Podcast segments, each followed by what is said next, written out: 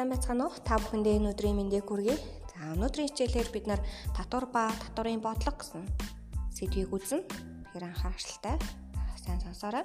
Тэгэхээр хичээлийг илүү сонирхолтой болгохын тулд та бүхэндээ бас мэрэгжлийн хүнийг урьж авчирсан байгаа. Тэгээд баярмаагч маань банк санхүүгийн салбарт олон жил ажилласан мэрэгжлийн юм хүн байгаа. Тэгээд та өөрийгөө танилцуулна уу? За сайн байцгаана уу энэ өдрийн мэндийг хүргэе. За намайг Баярмаа гэдэг Намт наран сургуулийн ерөнхий нэгтлэн бодогч ажилтай. Аа би өөрөө нэгтлэн бодогч татврын хяналт шалгалт гэсэн мэргэжлэр төгссөн. Банк санхүүгийн салбарт одоо 13 жил ажилласан юм туршлагатай хүн байна.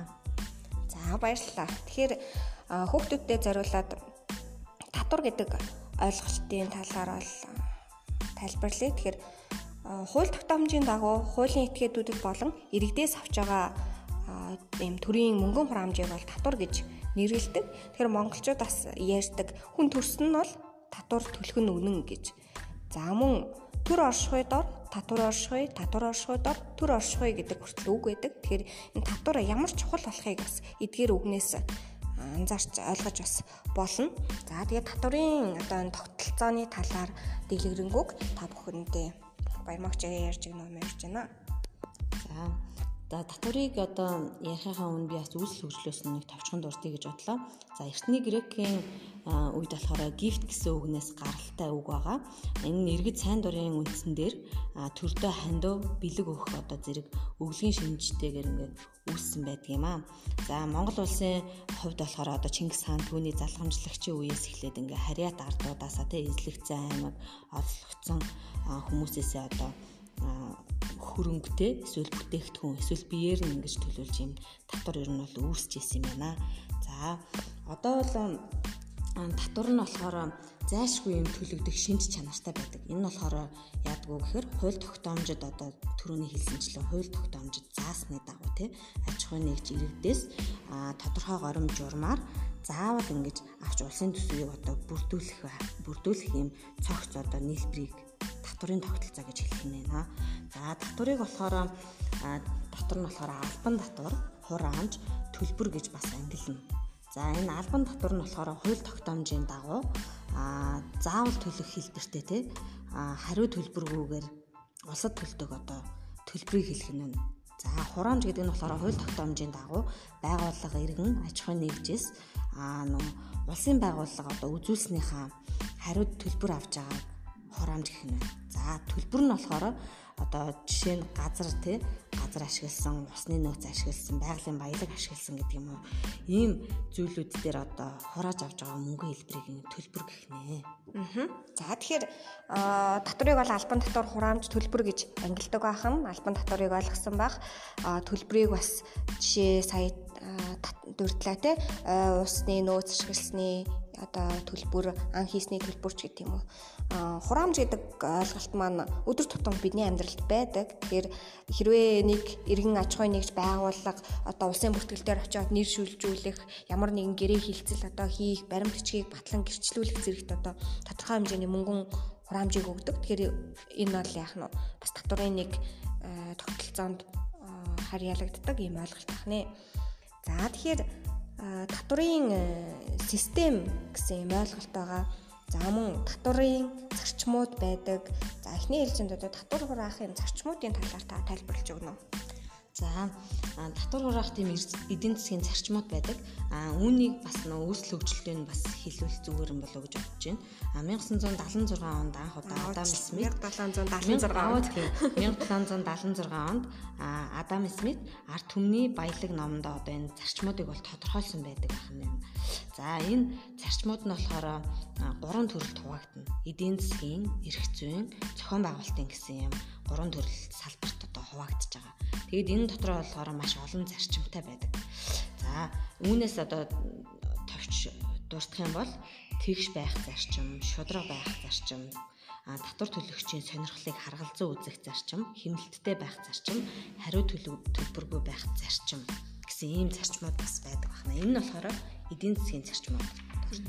Тэгэхээр яг одоо орчин үед байгаа энэ татварын зарчим системийн үндслэгч нь хэм бэ гэхээр Адам Смит болох нь шүү дээ. Тэгэхээр Адам Смит бол өөрөө яг үндсэн хоёр зарчмыг л санаачилсан байдаг. Тэгээд энэ хоёр зарчим дээр тулгуурлаад өнөөгийн энэ олон одоо татврын зарчмууд бас бүрэлдэн тогтсон байдаг. Үнийг бас номноосоо та бүхэн дэлгэрүүлж уншаарай. За татвар хураах зарчим маань үргэлжлээд татврын бас энэ төрлүүдийг одоо үүнтэй холбогдуулаад заавал ярих шаардлагатай болдог.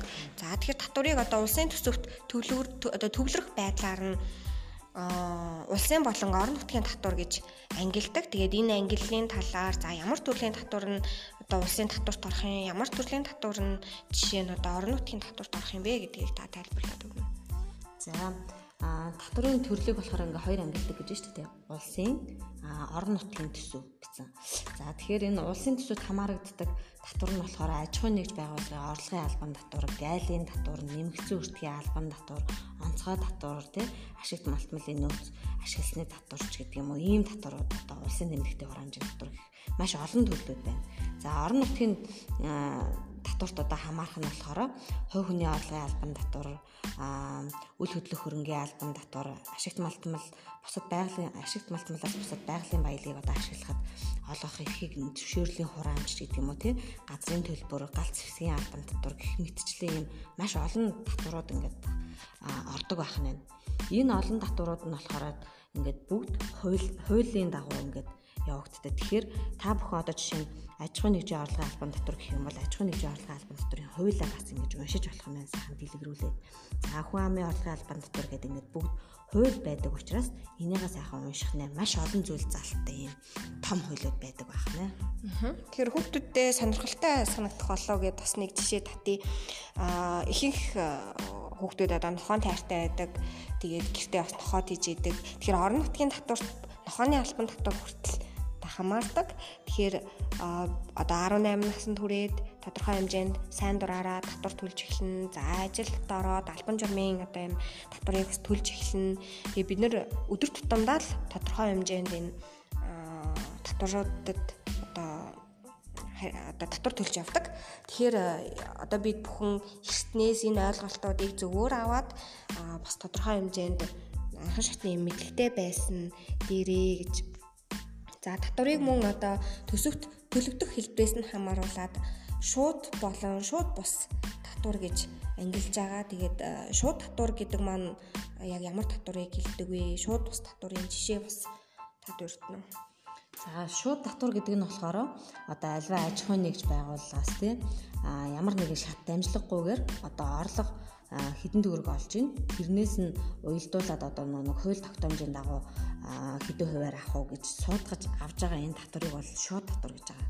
За шууд бус татвар гэдэг нь болохоор бидний одоо ингээ олсон орлогонд ингээ хамааралтайгаар шууд авахгүйгээр өдөр тутмын бид нэр бараа ажил үйлчилгээ худалдаж авж байгаа бүх зүйл дээр ингээд нэмэгдээд орж байгаа нэмэгдсэн өртгийн албан татварын жишээ бол одоо энэ шууд бас татварын жишээ юм аа.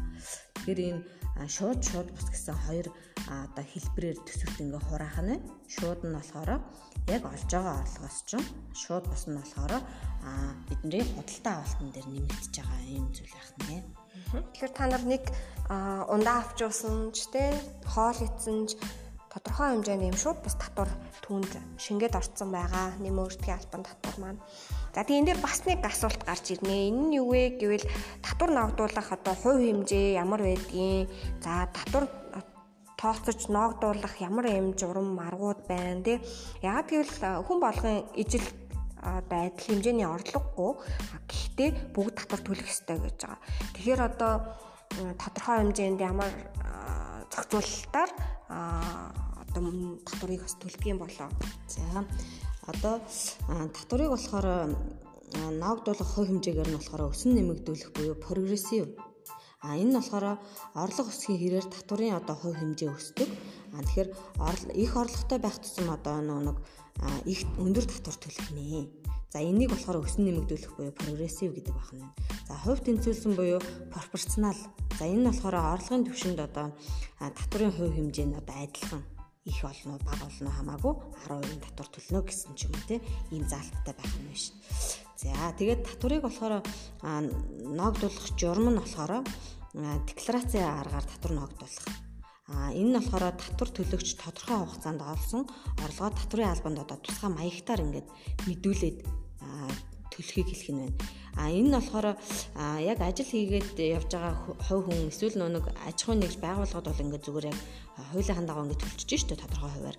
Гэтэл нөгөө нэг одоо хуваараа бизнес эрхэлж байгаа ямар нэгэн тэнд хариаллгүй татврын газар хариаллагдахгүй байгаа хүмүүсийн хувьд болохоор энэ декларацийн аргыг одоо аргаар өөртөө маягтай бөглөж өгөөд татвараа төлдөг байх нь байна. За кадастрын буюу бүртгэлийн арга нь болохоор гол төлөв газар, үйл хөдлөх хөрөнгө, тээврийн хэрэгслийн бүртгэл хөтөлж а тэдгээрийн хөрөнгийн татварт татвар ноогдуулахад одоо өргөн хэрэгэлдэг юм арга байх нь байна. За бэлэн бус суудгалын арга гэж байгаа. А энэ болохоор манай орны нөхцөлд одоо би нэг жишээ хэлгээд одоо банкудад ингээд хугацаатай хадгаламж хийнгүүт хугацааныхаа эцэст ингээд бидний орж байгаа нөх хүүний орлогоноос 10% татвар нь шууд хасагдаад ингээд үлдсэн хүүн ордог. А энэ нь болохоор банк нь өөрөө шууд энэ хүний орлогоос нь 10% нь аваад цааш нь татварлоо шилжүүлэх юм үүргээ хүлээч гэсэн ингэж бас татвар биднэрт ногдуулдаг бэлэн бус буюу суудгалын арга гэж ийм аргууд байдаг байна. За тэгэхээр насанд хүрсэн хүмүүс хүртэл бараг энийг сайн ойлгодгүй тий. А одоо миний хадгаламжнаас ингээд 10% нь авчлаа гэд. Тэгээ энийг ерөөсөө банк аваад байгаа явдал биш ах нь шүү дээ. Цаашаа татвар одоо энэ хуулийнхаа дагуу За татвар тоос ногдуулах журмынхаа дагуу ингээ авч байгаа байх нь.